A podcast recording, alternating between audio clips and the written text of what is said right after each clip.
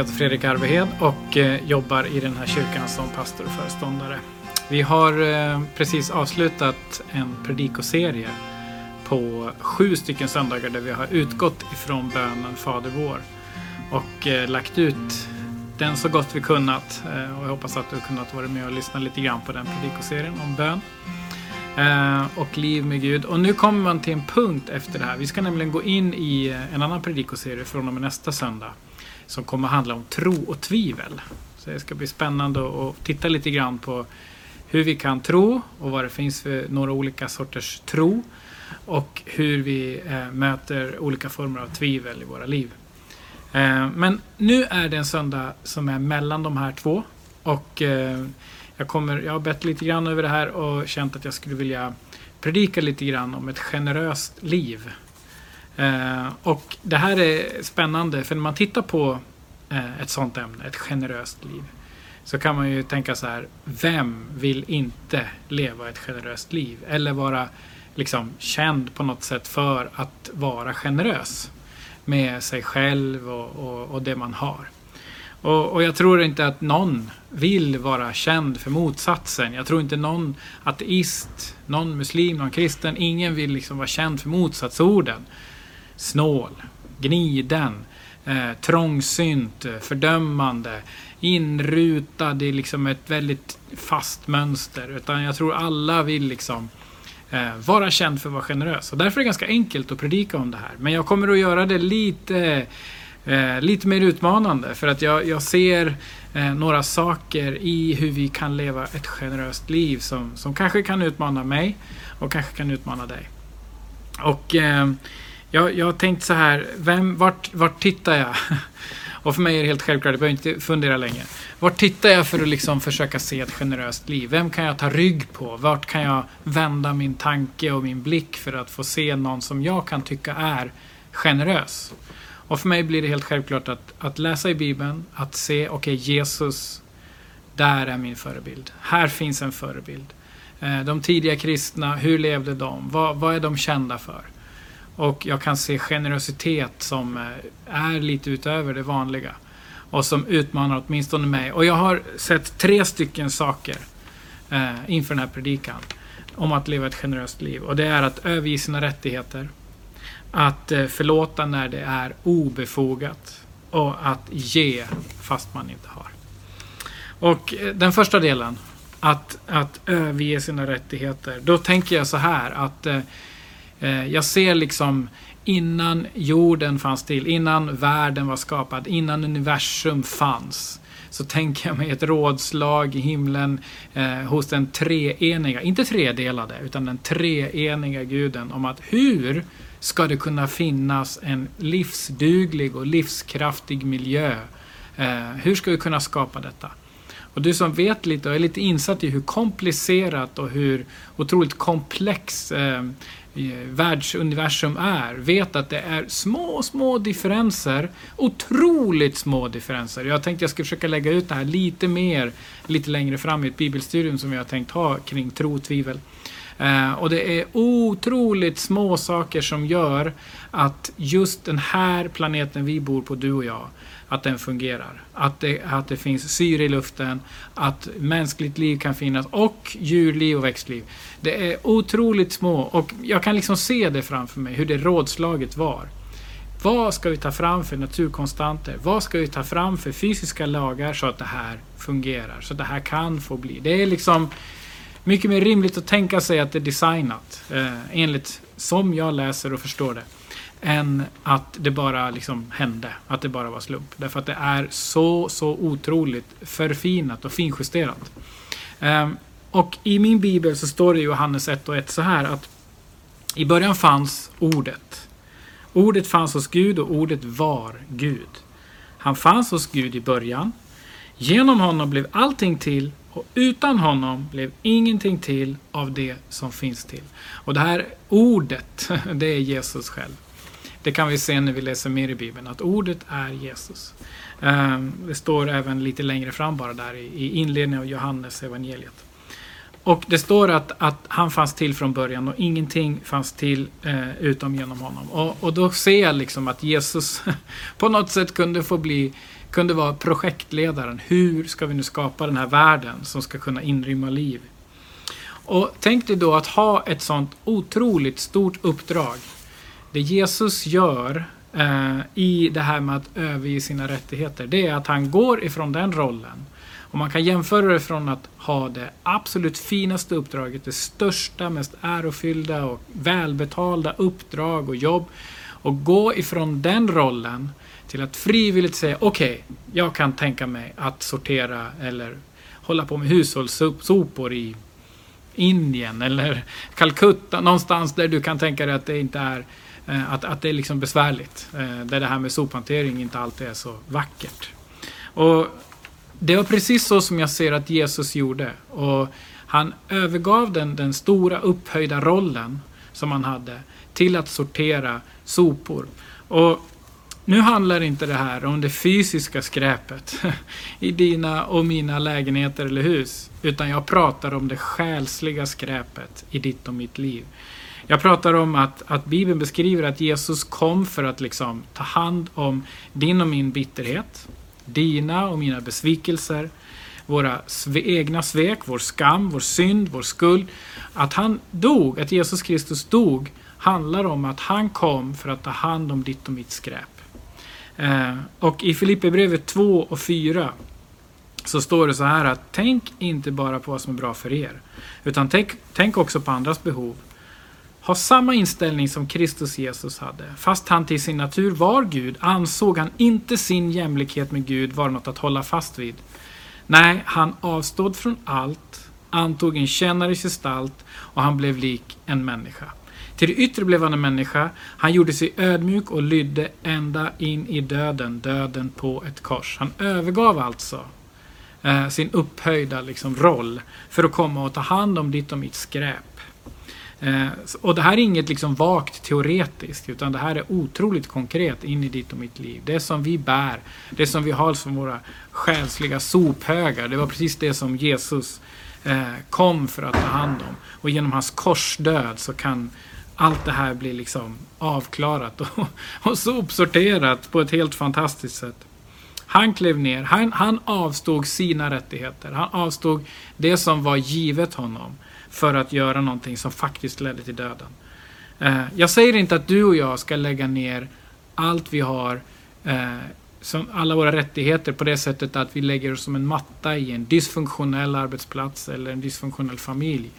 Eh, men det finns någonting där vi kan fastna i vårt eget och bara se, det här har jag rätt till. Det här, det här har jag rätt till. Jag vill bara ha det här därför att det är det min, min lagen säger det och mina rättigheter säger det. Eh, men det finns tillfällen där ett generöst liv är att bara lägga ner vår rättighet. Att följa Jesus. Att lägga ner det jag har rätt till. Att följa Jesus. Eh, det andra är att förlåta när det inte är befogat som jag tänker på. I Lukas 23 och 34 så står det så här. Jesus sa Far, förlåt dem. De vet inte, för de vet inte vad de gör. Och här, här har liksom Jesus, eh, han har gått hela vägen in. Han kommer för att sopsortera eh, vårt själsliga skräp och han gör det genom att dö på ett kors. Och även då när han blir uppspikad, det var ju nämligen så att det både var de judiska ledarna, det var även det judiska folket som ropade korsfäst, det var även de romerska ockupanterna i landet, alla var överens. Jesus ska dö. Vi måste, vi måste korsfästa den här personen. Det här, det här funkar inte, vi måste göra så. Eh, Jesus hade inte gjort någonting fel. Han hade inte brutit mot någon lag. Han hade inte brutit mot någon förordning, hade inte brutit mot någon, någon liksom moralisk, ingenting. Men det här blev ett hot på många plan, det Jesus sa. Så de beslöt sig för att avrätta honom, för att ta bort honom. Men det fanns en plan och, och Jesus visar det också. Han säger så här, förlåt dem för de vet inte vad de gör. Jesus förstår att det här är faktiskt fienden själv som vill att det ska ske, att Guds son ska dö. Eh, men genom att han dog så blev det också en öppning för den försoning, därför att han tog på sig din och min synd, din och mina misstag på korset. Eh, och han går in och tar bördor fast han inte behöver det. Han går in och gör någonting frivilligt. Och han vädjar till pappa Gud, förlåt dem. Förlåt dem, för de förstår inte vad de gör. Och det här kan jag höra ibland när det handlar om förlåtelse. Vi har predikat om förlåtelse i, för några söndagar sedan, eh, två gånger. Och det här med förlåtelse är väldigt väsentligt och, och, väldigt viktigt för oss både att be om förlåtelse till Gud för att liksom vara försonad, leva i försoning. Men också att be om förlåtelse till varandra. Så att våra relationer kan fungera. Och ibland har jag hört att, att en del säger jag är beredd att förlåta bara jag förstår vad det är som har hänt. Och, och, vet du att om, om du ska förstå allt som hänt i ditt liv, i olika saker som hänt, då kan du få vänta. Och du kanske också hoppas och tänker att det ska bli, finnas en förståelse så att båda förstår och sen är du beredd att förlåta. Eh, men vet du, Jesus han säger själv att människorna förstår inte vad de har gjort, men förlåt dem ändå.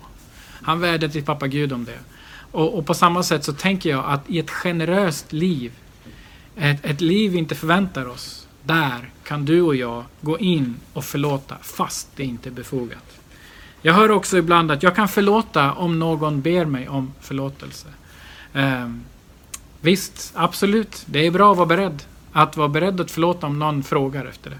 Men emellanåt så kan du och jag få lov att gå in och förlåta fast det inte är begärt. Det är inte befogat. Det är inte liksom det är inte på tapeten. Men du och jag har en issue. Du och jag har någonting som händer i våra huvuden kring en situation och vi kan få lov att släppa taget. Och det är en av de vackraste bilderna av förlåtelse som jag känner till. Det är att sitta uh, vid en, i en kanot till exempel. Eh, på väg ut på en vacker spegelblank sjö. Men du kan inte släppa taget om bryggan därför att du kan inte förlåta. Så det är en bild naturligtvis. Eh, när du släpper taget så får du en full upplevelse av din kanottur. Eh, men håller du bara i eh, bryggan och, och, det kommer skvalp och, och, och, du vill ut men du törs inte eller du kan inte på något sätt. Du, du vill inte. Då, då får du aldrig uppleva det. För att när du släpper taget om en situation, om en person, då, då kommer friheten. Då, då finns det en frihet där.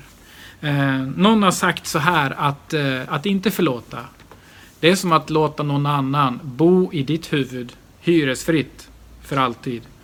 Eh, att du låter någon annan ta plats i ditt liv utan att liksom den ens vet om det. Eh, och, och det här är någonting, att förlåta när det inte befogat, det, det ser jag som det, det, är faktiskt någonting att, att kunna få uppleva och få uppleva generositeten, att få ge det.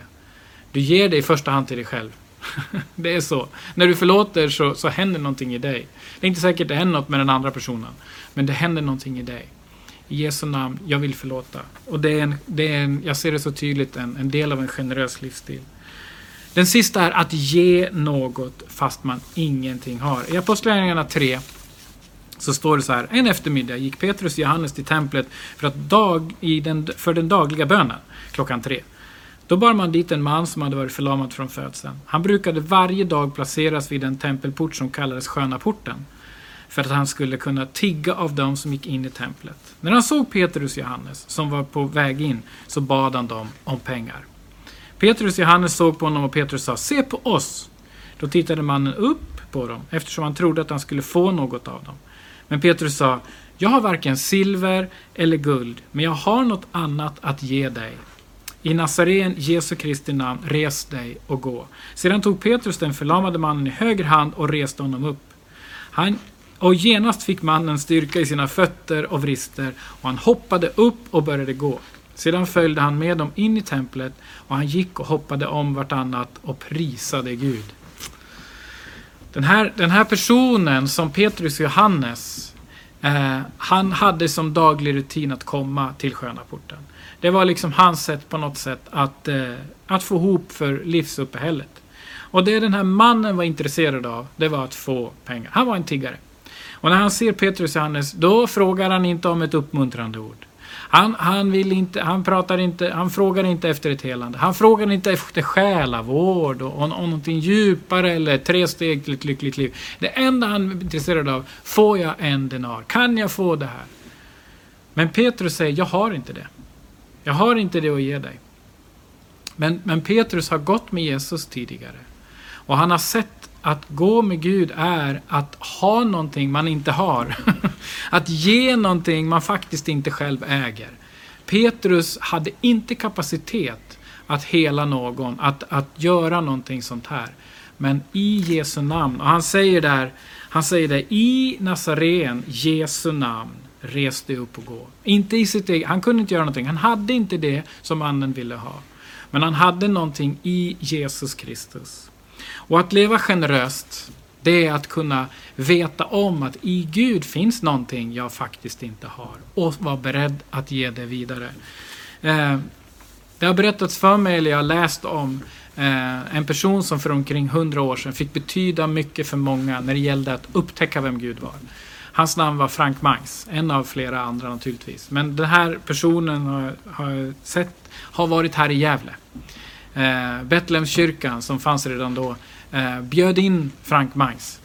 Och när han kom till Gävle så fick man stänga av kollektivtrafiken för det blev fullständigt kaos. Alla skulle dit för att få höra någonting om Gud. Det blev en otrolig uppståndelse. Han kom också bland annat till Oslo, han bodde där i 15 år och man räknar med att omkring 10 000 personer kom till tro under den här tiden. Fick sina liv förändrade och förvandlade. På ett fantastiskt sätt. Eh, och, och han betydde mycket för många. Men han hade ett tufft liv.